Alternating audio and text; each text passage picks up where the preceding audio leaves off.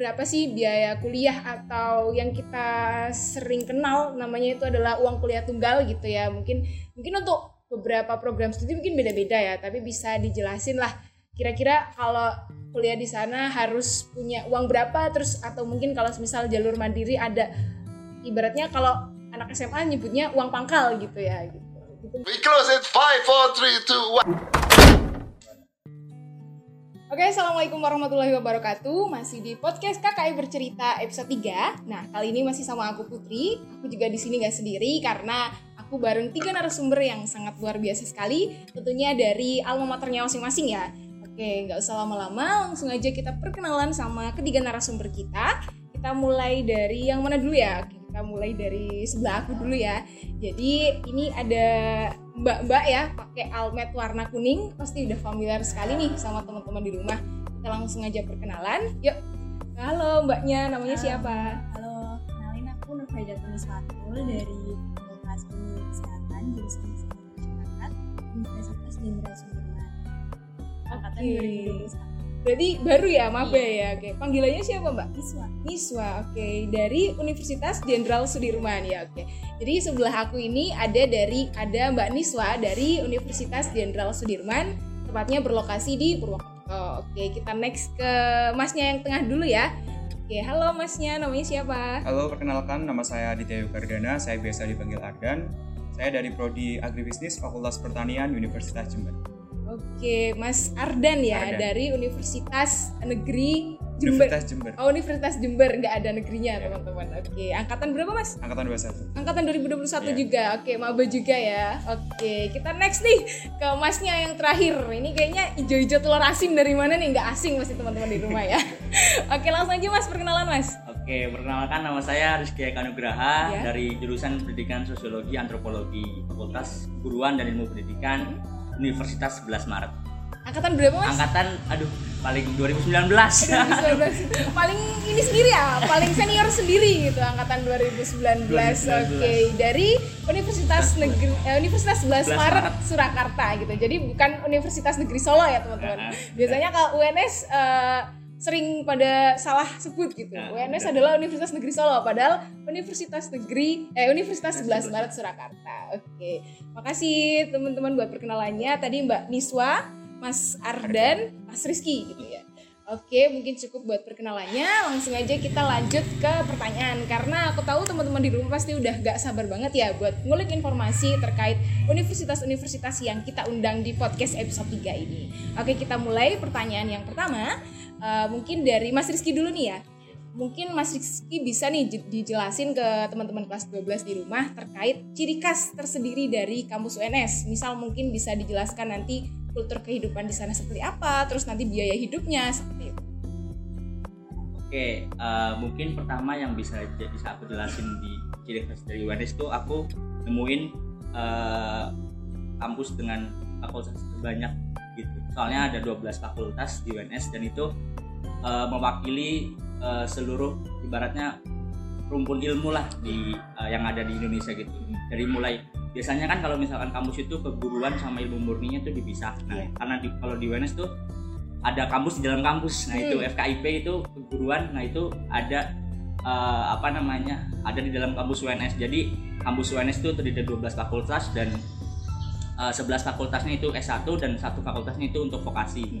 Nah, itu eh, ya cukup membuat UNS itu lebih beragam aja gitu loh. Jadi nggak sekedar hanya anak keguruan saja, tapi juga ada anak ilmu murninya juga gitu.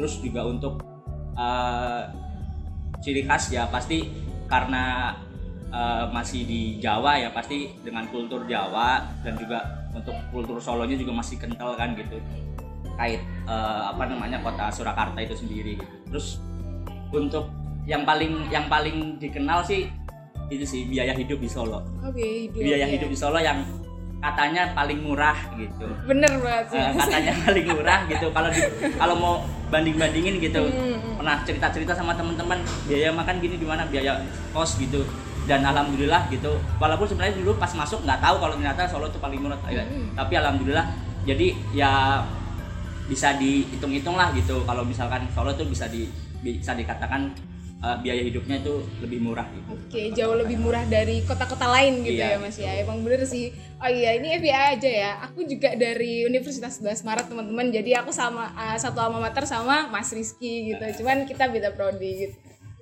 Gak nanya ya? Oke oke oke. Gak apa-apa. Jadi emang bener sih teman-teman. Kalau biaya hidup di Solo ketimbang di mungkin di daerah lain ya, di Jogja atau di Semarang itu emang jauh lebih murah gitu ya. Kayak nasi rames aja itu 4000 udah dapet gitu ya Mas ya di sana. Dan Ya, itu nasinya ngambil sendiri. Iya bener, jadi pokwe, namanya tuh singkatannya tuh pokwe, jupuk dewe gitu. Iya iya. Jadi nasinya mau seberapa banyaknya ya udah situ 4000 sampai 5000 gitu lah. Terus biaya kos di sana tuh sekitar berapa sih mas? Kalau untuk untuk per tahun ya, saya kan paling kalau saya paling kan ambil yang tahunan itu sekitar 3 juta sampai 4 juta. Jadi untuk bulanan ya sekitar 100 sampai 200 ribu udah dapat itu untuk yang laki-laki. Tapi untuk yang perempuan ya mungkin sekitar 4 sampai 6 juta udah itu lokasinya di deket kampus dekat juga. kampus di belakang kampus gitu banyak kan emang kan di gerbang belakang gitu Mm. untuk uh, apa namanya kos kosan untuk gerbang depan karena jalan provinsi Iya. jadi nggak terlalu rame tapi untuk gerbang belakang itu rame banget buat anak-anak UNS Oke, jadi pusatnya di gerbang belakang ya ah, kalau untuk benar. kos-kosan gitu ah, ya. Oke, oke. Ada lagi mas? Udah mungkin cuma itu aja nanti Oke, siap siap. Oke, makasih Mas Rizky. Mungkin kita next ke Mbak Niswa dulu ya. Mungkin bisa dijelaskan ke teman-teman di rumah. Diperlihatkan juga keunggulan dari Universitas Jenderal Sudirman gitu. Monggo silakan. Oke, kalau Unsut itu punya ciri khas ada patung kudanya Oke, patung kuda. eh, univnya Hmm, di pinggir depan. jalan. Hmm. Itu katanya di situ ada mitos ya kalau misal foto di situ sebelum lulus katanya susah lulus. Oh iya? itu cuma mitos. Oh iya, oke oke. Terus kalau kultur kehidupannya sebenarnya mirip sama Kebumen sih. Hmm, Terus kampusnya juga masih di Purwokerto jadi eh, bahasanya itu masih ngapak. Oh iya, deket ya masih masih Jawanya masih sama masih Iya. ngapak gitu ya. Terus di Unsut itu ada 12 fakultas juga sama eh, program vokasinya itu masuk ke eh, fakultas-fakultas itu jadi nggak ada fakultas vokasi tersendiri Oke, nah, jadi diplomanya tuh masih masuk ke fakultas-fakultas gitu ya. Oke, masih jadi satu sama program studi S1 gitu ya. Iya. Oke, ada lagi Mbak? Nah, udah mungkin Oke, jadi kalau di Universitas Jenderal Sudirman itu eh, di Purwokerto ya masih deket nih sama Kebumen. Paling kalau ke sana berapa jam kira-kira? Kira-kira satu setengah jam sih kalau naik motor kalau Naik naik bis mungkin dua jam Dua jaman. Iya. Oke, jaman apa aja Mbak? Oke, sekitar satu setengah jam masih terjangkau ya teman-teman. Eh, kalau misal mau kuliah di Purwokerto, kalau misal mau ngaju nih, kalau nggak mau ngekos, nggak apa satu setengah jam bolak-balik gitu ya. Bolak-balik tiga jam gitu. Nanti kalau ada tugas, balik lagi. Kalau nggak pulang gitu ya. Tepar nanti habis gitu. Oke. Oke gitu. Jadi tadi ada 12 fakultas juga gitu ya. Cuman kalau di Universitas Jenderal Sudirman itu eh, program studi diplomanya itu masih masuk ke fakultas-fakultas eh, pokoknya masih dicampur sama program studi yang sarjana gitu. Jadi belum ada sekolah vokasinya gitu. Kalau tadi di UNS sudah ada eh, fakultas sekolah vokasi yang isinya program studi diploma 3 sama diploma 4. Di situ juga prodinya banyak banget ya Mas ya? Ah, ah, banyak banyak Ada sekitar 27 kalau nggak salah ya Mas. Ah, ah, sekitar segitu dan ya itu jadi fakultas terbanyak setelah FKIP. Oh, Ah, iya, FKIP oke. 24 prodi itu 27 Oke oke siap siap. Oke makasih Mbak Niswa. Oke kita next ke Mas Ardan ya. Mungkin bisa dijelasin ke teman-teman di rumah keunggulan dari Universitas Jember. Ya. Jadi Universitas Jember itu kan salah satu universitas yang ada di Kabupaten Jember, Jawa Timur. Jadi eh, Universitas Jember merupakan eh, salah satu fakultas terbesar di sana karena memiliki 15 fakultas dan 103 program studi. Ya di dalamnya itu antara Sosum dan Saintek itu memang sama-sama banyak. Jadi di sana juga termasuk memiliki mahasiswa terbanyak, yaitu sekitar 33.000 ribu eh, lebih lah untuk mahasiswanya. Kemudian untuk program studinya sudah beberapa diakreditasi internasional juga seperti yang saya ambil sekarang akreditasinya juga sudah internasional. Baru saja kemarin kemudian untuk program studi lainnya juga sudah terakreditasi secara eh, nasional juga. Kemudian untuk kultur budaya di sana kita tahu bahwa Jawa Timur kan merupakan perpaduan antara suku Jawa dan suku Madura. Nah jadi kita bisa mengenal lebih banyak lagi mengenai kultur-kultur budaya Indonesia karena di sana itu eh, sangat kehidupannya itu sebenarnya hampir mirip kayak di Kebumen ini ya dan harga-harga eh, kebutuhan-kebutuhan serta harga kos itu juga cukup eh, terjangkau antara 200 ke atas lah untuk eh, putra dan putri ya sekitar 300-an ke atas. Hmm. Terus untuk di sana untuk biaya kuliah juga cukup murah dan kita bisa sangat mudah untuk mendapatkan beasiswa di sana. Oke. Jadi sebagian besar mahasiswa mahasiswa di sana juga menggunakan beasiswa yang diperoleh dari pihak universitas maupun dari pemerintah Jember sendiri. Jadi pemerintah Jember itu sangat mendukung para mahasiswa yang ada di sana supaya bisa belajar dan mendapatkan ilmu yang eh, benar-benar eh, mereka inginkan gitu. Jadi bisa bermanfaat untuk ke depannya. Oke, jadi dari pemerintah Jember sendiri itu memberikan beasiswa gitu ya Iya. untuk mahasiswa-mahasiswa yang kuliah di uh. UNED Iya. sendiri gitu ya. Oke, tadi dari UNED juga uh, dari ketiga universitas nih yang paling banyak tadi fakultasnya dari Universitas Jember ada 15 fakultas gitu ya. Jadi banyak banget ya gitu. Oke, eh, apa namanya?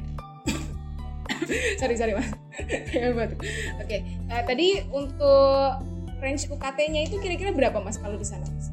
Kalau yang kelompok satu itu sekitar eh, satu juta Hmm. itu sampai paling mahal itu kalau yang biasa ya kayak bukan pendidikan kedokteran itu sampai 5 juta lah. Oke, jadi range 1 sampai 5 juta Iya. gitu ya. Oke, kalau untuk eh, apa namanya? Itu untuk semua jalur mas atau Iya. untuk untuk semua jalur? Jadi kan Oke. ada beberapa jalur masuk ya di Jember itu ada Oh iya. Eh, mo- maaf saya potong ya mas. Itu nanti ke Oh iya, pertanyaan oke, selanjutnya oke, oke. gitu ya. Jadi biar teman-teman di rumah penasaran dulu Oh, gitu ya. Itu nanti buat jalur masuk kita next ke pertanyaan kedua gitu. Tapi sebelumnya aku sebelum lanjut ke pertanyaan kedua, aku mau ke unsur dulu karena tadi aku lupa nanya buat eh, apa namanya eh buat apa sih namanya tadi? Bukan, bukan UKT. Biaya hidup di sana gitu, biaya hidup sama kos-kosan di sana tuh kira-kira harganya sampai berapa sih gitu per bulannya atau per tahunnya gitu? kalau kos-kosan itu start dari 250 sampai 4 juta 200an tergantung fasilitas. Kalau kamar mandi dalam itu start eh, 500 ribu. Kalau yang kamar mandi luar bisa 250 dapat Oke, berarti cukup terjangkau ya, Hmm. 250 ke berapa tadi sampai 4, 4,2 sekitar 4 jutaan ya. Oke, udah dapet kamar mandi dalam, Dalam. gitu ya. Kalau biaya hidup di sana gimana, Mbak? biaya hidupnya Mungkin makannya gitu lumayan murah Eh, kalau biasanya itu 10.000 ribu dapat sih 10 ribu. iya Oke, itu nasi ayam atau Nasi nasi ayam. Oh, nasi ayam. Oke, Kalau nasi sayur gitu mungkin melebihi UNS murahnya 3000 mungkin. masih sekitar 7.000 ribu Oke, berarti tetap masih murah UNS ya. masih murah Solo teman-teman. Di Purwokerto itu sekitar 7.000 gitu. Kalau di UNS tadi masih paling murah ya, sekitar 4.000 itu beneran udah dapet nasi sayur sama tempe goreng juga gitu. Ya walaupun kecil-kecil gitu. Oke, makasih buat Mbak Niswa. Oke, kita next ke pertanyaan selanjutnya. Kita bakal bahas terkait jalur masuk yang ada di tiga kampus eh, kali ini. Mungkin kita ke Mas Rizky dulu ya mungkin bisa dijelaskan ke teman-teman di rumah ada berapa jalur masuk sih? Mungkin kalau untuk nasional mungkin sama ya ada SNM kemudian ada SBM tapi mungkin untuk jalur masuk mandirinya kan beda-beda ya setiap universitas gitu. Mungkin dari Universitas 11 Maret bisa dijelaskan. Mungkin yang pertama jalur masuk masuk UNS eh, yang karena masa pandemi ini cuma lewat gerbang depan ah iya lucu banget pasnya masya Allah iya jadi gerbang belakangnya tuh ditutup gara-gara pandemi gitu jadi masuknya lewat gerbang, Gerbang depan, depan. gitu jadi nggak ada jalur belakang nggak ada. nggak ada. jadi semuanya masuk jalur depan jalur resmi gitu ya jadi di UNS nggak ada jalur belakang gitu Oke. gitu aja nih ya Iya, biar gak sepanen gitu ya. Ah, Oke, oke, oke. oke. Eh, untuk SNM eh, ya pertama emang ada SNM, SBM dan jalur mandiri ya. Hmm. Nah eh, untuk SN untuk eh, SNM itu sekitar 25 persenan, terus untuk SBM 35 persen dan sisanya itu untuk mandiri. Nah untuk mandiri ini ada beberapa jalur di UNS tuh, ada yang lewat jalur ujian eh, tulis, ada yang UTBK, ada yang jalur prestasi, ada yang jalur hafiz, ada juga yang jalur eh, kemitraan misalkan dengan misalkan ada kerjasama dengan SMA mana gitu. Nah itu dari UNS nah itu nah untuk jalur diplomanya juga begitu. Untuk diploma ada PMDK yaitu sama kayak SNM menggunakan rapot. Tapi kalau PMD kalau diploma ya eh, yang ngurusin full dari UNS gitu. Nggak ada L, eh, LTMPT kalau misalkan SNM SBM kan kita ikut LTMPT gitu. Untuk ada lembaganya sendiri gitu. Tapi kalau misalkan untuk diploma itu yang ngadain ya UNS Hmm. Uh, yang pertama ada PMDK itu sama dengan nilai rapot dan timelinenya mungkin bersamaan juga dengan SNMPTN terus juga ada PM ada eh, apa namanya ujian mandiri diploma. Nah itu nah itu seleksi utama masuk masuk diploma itu kayak se- seperti SBM jadi jalur tes tanpa ada uang manggal. Nah Oh, iya. jika untuk eh, untuk mandiri nah mandiri itu semua pakai uang pangkal kecuali yang jalur prestasi. Oke. jadi nanti ada uang pangkal eh, mau berapa ada range-nya sendiri gitu. Nah itu mulai di tahun 2019 sih baru mulai ada uang pangkal sampai sekarang Oke, jadi ada banyak banget jalur masuk ya. Tadi ada jalur hafiz, jalur prestasi, kemudian untuk uh, sarjana sama diplomanya sendiri juga dipisahin gitu ya. Hmm. Tapi kalau untuk diploma itu uh, murni uh, dari kampus sendiri ya yang menyelenggarakan gitu. Kalau kalau sarjana kan tadi ada yang dari pusat gitu ya, ada yang dari LTPT yang SNMPTN sama TBK. Oke, makasih buat Mas Rizky. Jadi kalau di UNS itu jalur masuknya banyak, teman-teman di rumah kalau semisal mau daftar di UNS jangan khawatir karena eh, apa namanya jalur masuknya banyak, terus kesempatan peluangnya juga pasti lebih besar gitu ya buat masuk di UNS gitu. Jadi teman-teman buat yang mau join di UNS mungkin bisa nih mas dikasih tahu ke teman-teman di rumah kalau semisal mau eh, ngecek lebih lanjut nih mungkin Hmm. eh, apa namanya program studinya apa aja atau mungkin keketatannya terus eh, apa namanya range UKT-nya mungkin bisa dikasih tahu teman-teman di rumah bisa search websitenya UNS apa sih gitu Eh, untuk website eh, seleksi masuk UNS itu ada spmb.uns.ac.id. Nah di. IG-nya juga ada spmb UNS. Nah di situ juga kadang ada berita-berita apa namanya data-data mengenai prodi di UNS, keketatannya, nilainya, range pas masuk ke TBK itu berapa gitu dan mungkin eh, ya itu dari persen persentase keketatan satu banding berapa untuk masuk ke prodi itu gitu. Di situ ada informasi-informasi itu terus juga ada terkait informasi mengenai UKT juga ada di situ gitu. Jadi di Instagram SPMB UNS juga cukup lengkap lah untuk memberikan informasi termasuk eh, mungkin informasi mengenai ini ya eh, seleksi yang diselenggarakan oleh UNS gitu. oke Seperti diploma dan Oke, jadi informasinya lengkap ada di website spmb.uns.ac.id. Jadi nanti tulisannya ada di sini ya, spmb.uns.ac.id atau bisa juga di uh, Instagramnya spmb di spmb UNS. UNS. Oke, nanti teman-teman di rumah bisa ngecek di situ ya gitu. Kalau misal mungkin penjelasannya kurang detail nanti bisa dicek sendiri di situ. Oke, makasih buat Mas Rizky. Kita next ke Mas Ardan, mungkin bisa dijelaskan ke teman-teman di rumah buat jalur masuknya. Jadi untuk jalur masuk di UNED itu sama, itu ada jalur yang nasional, itu ada SNM dan SBMPTN. Kemudian ada jalur mandiri, itu ada jalur ujian mandiri dan ada yang satunya itu SBRPTN. Jadi sebenarnya sama kayak ujian mandiri itu, tapi eh, biasanya kalau yang jalur SBR itu di- diperuntukkan untuk masyarakat di sekitar Jember. Oke. Ya seperti itu. Dan karena eh, kita kan biasanya per tahun itu mahasiswanya kan banyak kan lebih dari 8.000 kan berangkatan. Jadi peluang masuk di sana juga cukup besar dan range-nya juga tidak yang terlalu tinggi sih. Oke, jadi tadi ada jalur masuk mandiri juga ya, sama ada yang khusus buat warga asli Jember nih. Jadi kalau mungkin teman-teman ada yang asli Jember terus kuliah di SMA Klirong terus mau pindah ke Jember lagi gitu ya, mungkin eh, bisa dapat peluang lebih gitu di sana buat daftar yang lewat mandiri yang khusus Eh, eh, orang Jember gitu. iya, Oke, siap. SBR, SBR namanya. Itu singkatannya apa, Mas? seleksi bersama rakyat Jember gitu intinya. Oke, seleksi bersama rakyat Jember. Kayaknya Pemda Jember sangat-sangat ini sekali ya, maksudnya eh, membantu untuk menyejahterakan warganya di sana gitu ya, Iya. buat eh, mendapatkan pendidikan yang eh, lebih lanjut gitu, yang lebih tinggi lagi. Oke, keren banget buat Pemda Jember, mantap. Oke, Mu- mudah-mudahan Mas Gibran besok menyusul ya gitu ya. Ada kuota khusus buat warga Solo gitu ya, buat di UNS gitu. Oke, mungkin kita next ke Mbak Niswa ya bisa dijelasin ke teman-teman di rumah nih buat jalur masuk dari Universitas Jenderal Sudirman gitu. Kalau jalur masuknya bersama kayak yang lain ada SNM sama SBM. Kalau mandirinya itu dibagi dua, jadi UTBK sama non UTBK. Nah kalau yang UTBK itu pakai jalur UTBK, terus ditambah hasil rapot sama prestasi juga.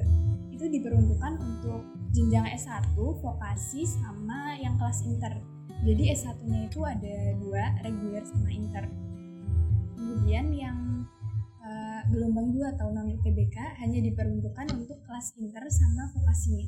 Oke, jadi ada kelas internasional juga gitu Iya. ya. Itu mahasiswanya lokal semua apa ada yang internasional juga, ada yang dari luar negeri juga? Eh, Rata-rata lokal. Mas. Oh, lokal. Indonesia masih. Perbedaannya apa tuh Mbak sama yang reguler gitu? Dari segi pembelajarannya bahasanya itu udah pakai bahasa Inggris, masih pakai Bahasa asing, bahasa Inggris.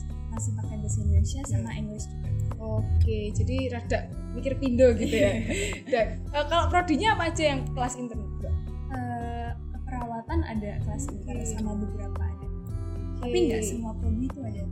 Jadi cuma beberapa aja ya Iya. kelas intern. Jadi keren sih teman-teman kalau belajar keperawatan pakainya bahasa Indonesia aja udah mumet ya, apalagi pakainya bahasa Inggris gitu ya. Mudah-mudahan teman-teman nggak salah nggak salah mengartikan gitu ya. Oke, keren sih kalau kalian mau masuk kelas intern ada nih di Unsud gitu. Tapi lewatnya jalurnya jalur mandiri gitu ya. Nggak nggak bisa lewat jalur SNM maupun SBM gitu. Oke, keren keren banget. Oke, tadi aku lupa ke Mas Ardan buat websitenya bisa Oh ya, dikasih tahu. untuk websitenya teman-teman bisa cek di unet.ac.id situ teman-teman bisa lihatin berbagai informasi mengenai uh, profil Universitas Jember, kemudian tata pendaftaran dan berbagai macam informasi lainnya ada di situ. Oke, jadi klik di unech.ac.id .ac.id. gitu. Nanti muncul di sini juga ya kalau udah diedit gitu ya. Oke, tadi dari uh, Unsur apa Mbak? spmb.unsur.ac.id Oke, sama juga ya dari SPMB eh, dari Unsur uspmb.unsur.ac.id. Oke. Ya tadi mau lurusin kalau yang inter itu masih bisa pakai SBM. Oh bisa juga. Oke, bisa juga nih teman-teman kalau misal mau jalur apa namanya mau kelas internasional bisa pakai jalur masuk yang tes TBK terus nanti daftarnya SBMPTN gitu. Kalau misal kalian mau masuk kelas internasional gitu. Oke, makasih buat Mbak Niswa uh, jawabannya gitu. Mungkin kita next ke pertanyaan selanjutnya gitu ya. Sorry, saya rada batuk gitu ya. Oke, mungkin kita bahas sedikit tipis-tipis terkait eh, biaya kuliah di sana gitu. Jadi mungkin eh, berapa sih biaya kuliah atau yang kita sering kenal namanya itu adalah uang kuliah tunggal gitu ya. Mungkin mungkin untuk beberapa program studi mungkin beda-beda ya, tapi bisa dijelasin lah kira-kira kalau kuliah di sana harus punya uang berapa terus atau mungkin kalau misal jalur mandiri ada ibaratnya kalau anak SMA nyebutnya uang pangkal gitu ya gitu. Mungkin kita mulai dari Mas Ardan dulu, Mas. Iya. Oke. Jadi kalau UKT di sana sing seperti sudah saya katakan tadi itu kan range antara kelompok 1 dan kelompok 5 itu antara 1 sampai 5 juta sih. Mm-mm. Nah, ke- kebetulan kalau saya di sini kan itu masuk kelompok 3. Di Iya. program studi saya itu sekitar 3 juta 100 3 juta ya itu 100. per semester dan eh, untuk uang-uang lainnya itu ya menyesuaikan sih kayak uang hidup karena di sana cukup murah ya mungkin untuk setiap bulannya sekitar eh, uang satu juta itu cukup Satu juta satu bulan. Iya. Oke. Kalau kalau masuk jalur mandiri itu ada biaya plusnya nggak mas? Misal mungkin lain dari yang lain gitu, ada biaya uang pangkal atau Eh, apa gitu namanya? mungkin bisa- cuma biaya ini sih eh, beli jasa memater Oke. dan mungkin tambahnya kayak buku-buku dan itu kan kebutuhan Jadi nggak ada uang pangkal ya kalau di UNES ya? Nggak. Oke, jadi teman-teman kalau misal nggak diterima mungkin jalur SNM atau SBM, mungkin kalian bisa lewat jalur UM, tapi tenang aja di mandirinya UNES nggak ada uang pangkalnya gitu. Jadi eh, tetap samalah merata antara yang jalur nasional maupun yang eh, mandiri yang diselenggarakan dari kampus UNES sendiri gitu. Mungkin ke Mbak Niswa dulu ya, bisa dijelasin ke teman-teman di rumah nih buat uang kuliah tunggalnya atau mungkin ada uang pangkalnya di onsut gitu. Kalau di UKT itu rentangnya dari UKT 1 sampai 7 kalau yang kampus itu itu sekitar 500 ribu kalau yang eh, paling atas itu udah udah 7 itu 17 500 17 juta.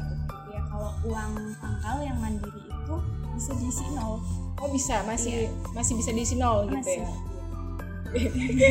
Oke oke, kenapa Mas Rizky kok senyum-senyum? Gak apa-apa. gak apa-apa. Nanti Mas, Iya, sabar ya, habis unsur nanti UNS menjawab gitu ya. Oke, jadi kalau mandiri itu ada uang pangkalnya ya. iya Oke, tapi masih bisa diisi nol nol gitu. Jadi uh, pilihan pertama nol, terus kalau pilihan kedua langsung berapa ya Mbak? Kalau pilihan kedua masih bisa diisi nol Oh masih bisa diisi nol. Oke, jadi uh, tapi di mungkin di websitenya tuh ada range ini nggak? UKT-nya gitu. Maksudnya UKT berapa, SPI berapa di websitenya? Oh ada. Ada, oke. Di Berarti teman-teman juga bisa dicek juga ya. Tadi di udah juga bisa dicek di situ ya. Ada ada rincian lah, rincian UKT atau eh, bukan SPI sih. Kalau di ini namanya apa uang uang pangkal ya, uang pangkal kalau di. Nanti bisa dicek di web yang tadi udah ada ya di sini ya gitu. Oke, makasih buat Mbak Niswa. Kita next ke UNS. Oke, UNS silakan dijawab untuk uang kuliah tunggal dan apa namanya SPI ya kalau di UNS. yang jujur aja nih ya Oke oke siap siap. Oke, eh, untuk uang kuliah tunggal ya pertama masih untuk jalur SNM dan SBM itu masih sama sama teman-teman yang lain gitu. Kisaran paling rendah itu 500.000 ribu sampai sekitar paling 6 juta lah eh, untuk eh, kisaran itu untuk SNM dan SBM. Eh, bedanya di UNS itu yang mandiri. Yang mandiri itu diistimewakan. Diistimewakan teman-teman. Uh, uh, Jadi untuk uang kuliah tunggal uang kuliah tunggalnya itu berbeda gitu makanya mungkin ya untuk teman-teman kalau bisa lolos SNM SBM dulu aja di UNS lah gitu oke, jadi soalnya di Mandiri uh, uang kuliah tunggalnya itu cukup dibedakan uh, beda jauh lah sama teman-teman dari SNM SBM karena di uh, Mandiri itu bakal di kalau sepengala, sepengalaman saya teman-teman saya gitu loh. Saya oh ya, bukan mandiri sih alhamdulillahnya gitu. Alhamdulillah ya Mas. alhamdulillahnya juga diterima kip kuliah bi- bidik misi kuliah. Jadi ya Masya alhamdulillah Allah. kuliahnya ya gratis alhamdulillah. Tapi untuk teman-teman saya yang mandiri tuh ditaruh di range tiga teratas dari uh, golongan gitu. Misalkan ya 6 juta sampai ke atas lah gitu. Jadi nggak uh, nggak bi- mungkin sulit untuk di bawah 5 juta gitu. Jadi untuk mandiri itu uh, cukup cukup inilah. Tapi kalau misalkan teman-teman keterima di kuliah sebenarnya nanti bakal dibalikin sih UKT-nya gitu. Tapi untuk biaya awalnya itu mungkin untuk itu cukup cukup cukup berat lah gitu untuk mandiri. Nah itu dan mandiri juga ada uang SPI nah Hmm. atau uang pangkal. Yang sebenarnya di tahun 2019 itu masih bisa nol tapi untuk 2020 dan 2021 itu udah nggak ada yang nol. Dan paling rendah itu untuk prodi kayak eh, fakultas seni rupa dan juga prodi-prodi seni rupa itu paling rendah itu 8 juta. Dan untuk yang lain mungkin untuk kedokteran sendiri sampai 15 sampai 20 juta uang pangkalnya itu untuk golongan satu. Jadi eh, untuk mandiri memang bener-bener dispesialin ini. Aku jujur-jujuran aja ya Eh, dispesialin banget di UNS untuk eh, apa namanya uang pangkalnya itu. Ya ada uang pangkal dan untuk UKT-nya juga beda dari anak-anak SNM dan SBM gitu Oke, oke. Eh, tapi mungkin aku meluruskan sedikit ya Mas ya. Ah. Buat informasi terbaru kalau yang kemarin 2021 buat eh, UKT-nya emang udah bisa dari golongan pertama Mas gitu. oh Iya, tapi realitanya ya Ah, tetap ah, aja. ah, ah, benar Cuma benar SK-nya turunnya sih dari golongan pertama ya, Iya, iya, mandirinya. benar. Tapi Ah, ah. realitanya memang ya jarang yang dapet eh, UKT 500 buat jalur mandiri Ah, ah, gitu. jarang-jarang Gitu sih. Paling ya, ya tiga ke atas gitu lah gitu. Terus terus mungkin mungkin untuk siasatnya itu kemarin itu pas lagi ah, untuk anak untuk teman-teman yang mendaftar mandiri dan juga mendaftar KIP kuliah itu mendaftar UKT membayar UKT-nya itu setelah hmm, diterima setelah, setelah diterima pengumuman ya. setelah pengumuman diterima KIP misalkan tidak diterima KIP ya berarti teman-teman baru membayar gitu, Iya. baru membayar UKT dan itu ya cukup meringankan di awal gitu tapi untuk tengah-tengahnya misalkan te- teman-teman tidak diterima KIP ya itu juga cukup memberatkan sih sebenarnya tapi untuk kuota KIP sendiri alhamdulillah tiap tahun UNS tuh nambah gitu. Tahun ini aja ada, mungkin ada sekitar 1.800 mahasiswa untuk tahun angkatan 2019 mungkin baru 1000 seribuan gitu. Tapi untuk uh, tahun 2021 ini terbaru uh, aku dengar-dengar datanya sekitar 1.800 mahasiswa yang diterima KIP dan itu mungkin tiap tahun akan bertambah karena uh, kalau misalkan kurang kalau misalkan nanti UNS tidak katanya kalau misalkan UNS tidak memenuhi kuota yang udah disediakan akan dikurangi di tahun berikutnya gitu jadi benar-benar dimaksimalin sih KIP kuliah jadi buat teman-teman kalau misalkan kesulitan dana ya jangan putus asa gitu masih ada uh, bantuan-bantuan lain gitu yang siap buat teman-teman Oke, uh, oke. ambil gitu. Oke, jadi dari awareness itu emang eh, dibanding kampus yang dua ini emang UKT-nya mungkin eh, jauh eh, lebih tinggi sedikit gitu ya. Tapi itu nggak menutup eh, kemungkinan buat teman-teman lanjut di UNS karena di sana kalian juga masih bisa daftar apa namanya kip kuliah gitu ya. Ya, Dan ya. kuotanya di sana juga eh, banyak gitu buat teman-teman. Asal teman-teman itu memenuhi eh, memenuhi persyaratan gitu dari yang nggak mampu atau mungkin terdampak covid gitu ya itu kalian bisa mendaftar di KIPKA gitu keren banget Mas Rizky apa namanya buat penjelasannya tadi gitu ya. Oke, mungkin eh, kita next eh, ke pertanyaan selanjutnya gitu ya. Sorry, saya batuk. Oke, em, mungkin bisa dijelasin lagi dari Mas Rizky lagi atau mau jeda nafas dulu nih? apa nih gitu Pertanyaan ketiga nih, atau mungkin dari yang lain dulu ya? Oke teman-teman, kita masuk ke pertanyaannya terakhir atau yang ketiga. Eh, ini pertanyaannya terkait UKM dan Ormawa gitu. Mungkin teman-teman di rumah penasaran nih eh, ada UKM apa aja sih atau Ormawa apa aja gitu di universitas-universitas yang kita undang kali ini gitu ya. Kalau UKM sih kalau di SMA itu ekstrakurikuler gitu ya. Hmm. Oke kita mulai ke UNES dulu ya. Mungkin bisa dijelasin dulu mas. Oke, jadi untuk UKM yang ada di UNES itu kalau yang di tingkat universitas itu ada banyak ya dari eh, bidang olahraga, kemudian kerohanian atau agama, kemudian ada juga yang di bidang kewirausahaan dan bisnis. Kemudian untuk yang Ormawa itu ada BEM Unif, kemudian ada BPM, kemudian juga ada organisasi-organisasi kayak eh, ya agama-agama gitu. Jadi ada kan di sana juga kita kan di sana kan ada banyak agama kan di sana ya. Jadi masing-masing agama itu memiliki uh, ormawanya sendiri-sendiri. Ada Islam, Kristen, kemudian Buddha dan sebagainya. Dan di sana karena sekarang lagi masa pandemi, jadi karena semua kegiatan online, mungkin ja- jadi untuk kegiatan ormawa dan UKM sempat tersendat dan uh, pasif. Dan mungkin nanti kalau udah offline mungkin akan ditingkatkan lagi untuk uh, kegiatannya dan sebenarnya kalau di sana itu uh, kegiatan itu banyak uh, banyak kegiatan yang menarik yang bisa diikuti para mas mahasiswa baru terutama para maba ya yang mungkin masih aktif-aktif sekali untuk Iya. mengikuti uh, UKM dan Ormawa di sana. Oke, masih semangat semangatnya ya Iya. buat eh, biasanya nih kalau maba-maba kalau maba-maba nih semangat banget buat ikut jadi anti banget sama eh, yang namanya kupu-kupu kuliah pulang kuliah pulang pasti semuanya diikutin A B C D gitu soalnya biasanya kalau masih semester awal tuh jadwal kuliahnya belum padat gitu ya belum Iya. Di sepadat sana kalau Mas Bowo jadi kura-kura. Ih, kura-kura kuliah, Kuliah rapat, rapat, kuliah kuliah rapat, rapat. gitu ya jadi jadi eh, karena mungkin kuliahnya belum padat jadi masih eh, abis kuliah langsung rapat masih semangat semangatnya gitu ya mantap sekali buat UNES gitu ya tadi ada eh, ada BEM juga ya di sana Ada. namanya BEM ya BEM, Badan Oke, Eksekutif Mahasiswa. Badan Eksekutif Mahasiswa ada juga itu terus ada BPM. B BPM. BBM BPM. BPM Ya, BPM itu Badan apa? Perwakilan Mahasiswa. Jadi kayak DPR-nya gitu lah. DPR-nya oke MPK lah kalau di SMA ya sih Iya, MPK. ya, Oh, MPK. MP. Kalau Oke, oke, oke, oke. BPM tadi ya, Badan Perwakilan Mahasiswa. Itu sama kayak Dema nih Mas kalau di universitas lain? iya iya Iya. Dema ya? Dema, Dema. Yang Dewan. legislatifnya ya? Iya. Oke, jadi kalau BEM itu yang eksekutifnya, pelaksananya kalau yang pengawasnya itu namanya BPM, ya. BPM, Kalau di uh, Univ pun namanya Dema, Dewan Mahasiswa. gitu. Oke, makasih buat Mas. Ya. Terus siapa lupa Ardan. Ardan ya Allah, Mas Ardan. Faktor usia gitu ya. Oke, kita akan ada ngomong usia. Kita ke UNS dulu nih. Mungkin ada apa aja sih di UNS gitu?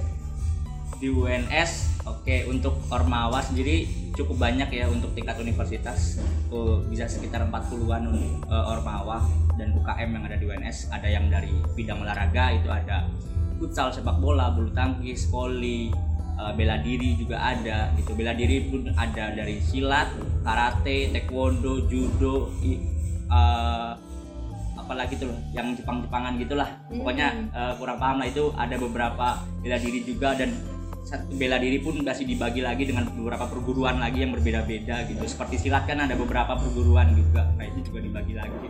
Terus untuk kerohanian juga eh, untuk Islam sendiri itu ada beberapa lagi ada yang untuk seni religinya sendiri ilmu Qurannya sendiri dan untuk rohani secara umum rohani Islam secara umumnya juga ada sendiri. Terus juga untuk rohani agama lain juga Kristen Katolik dan lain sebagainya juga ada.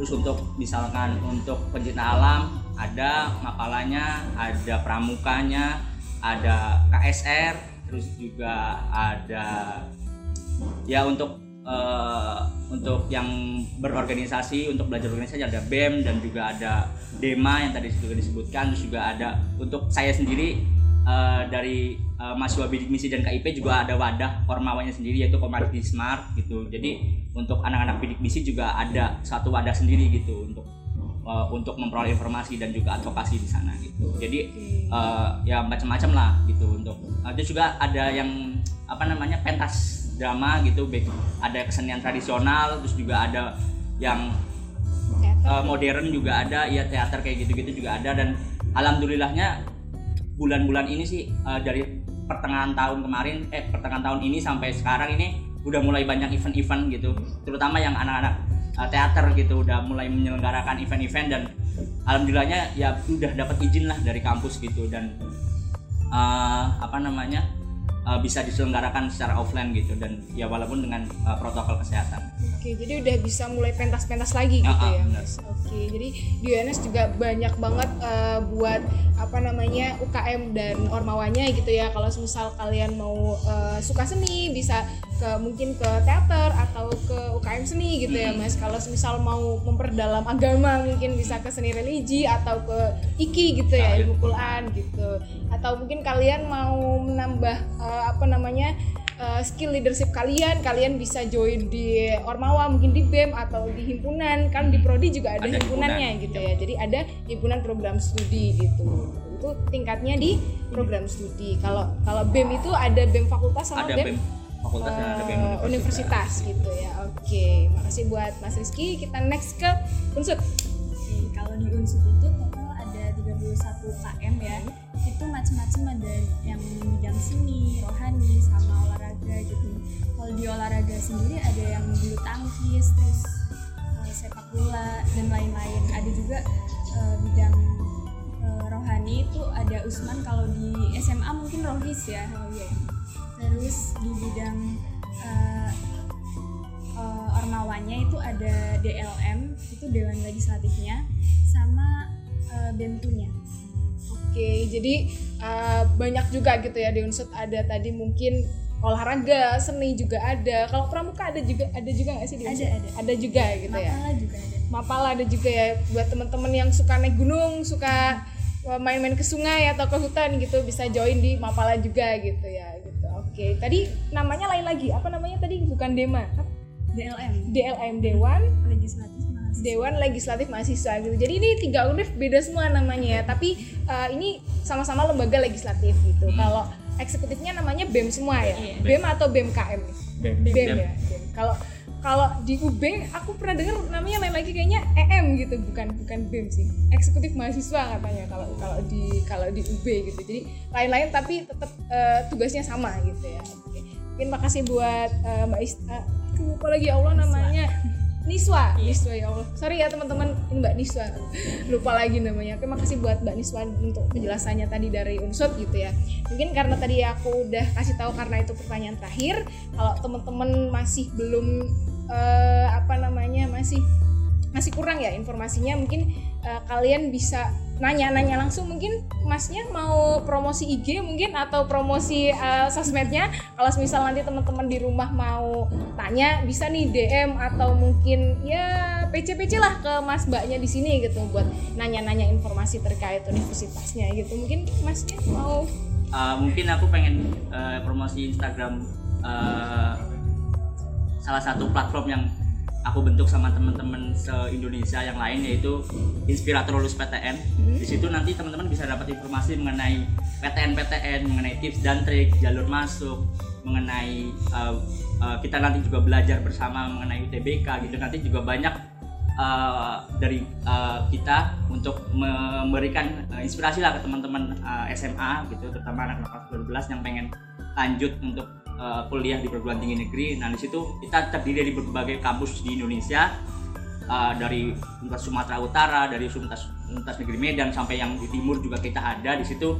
Banyaklah kita di situ terdiri dari beberapa volunteer, ratusan volunteer untuk menginspirasi teman-teman gitu. Nah itu ada di Instagramnya @inspiratorlusptn. Nah di situ juga teman-teman bisa bisa dapat uh, ada Spotify-nya, ada YouTube, ada TikTok di situ juga nanti tertera di situ nanti teman-teman bisa dengerin lah uh, cerita teman-teman uh, anak-anak uh, kuliahan gitu, anak-anak mahasiswa dari perguruan tinggi negeri se-Indonesia untuk berbagi cerita kepada teman-teman di @inspiratorlusptn. Oke, Nanti jadi bisa nemuin aku juga di situ. Oke, oke. Jadi kalau kalian mau cari informasi terkait mungkin eh, pasca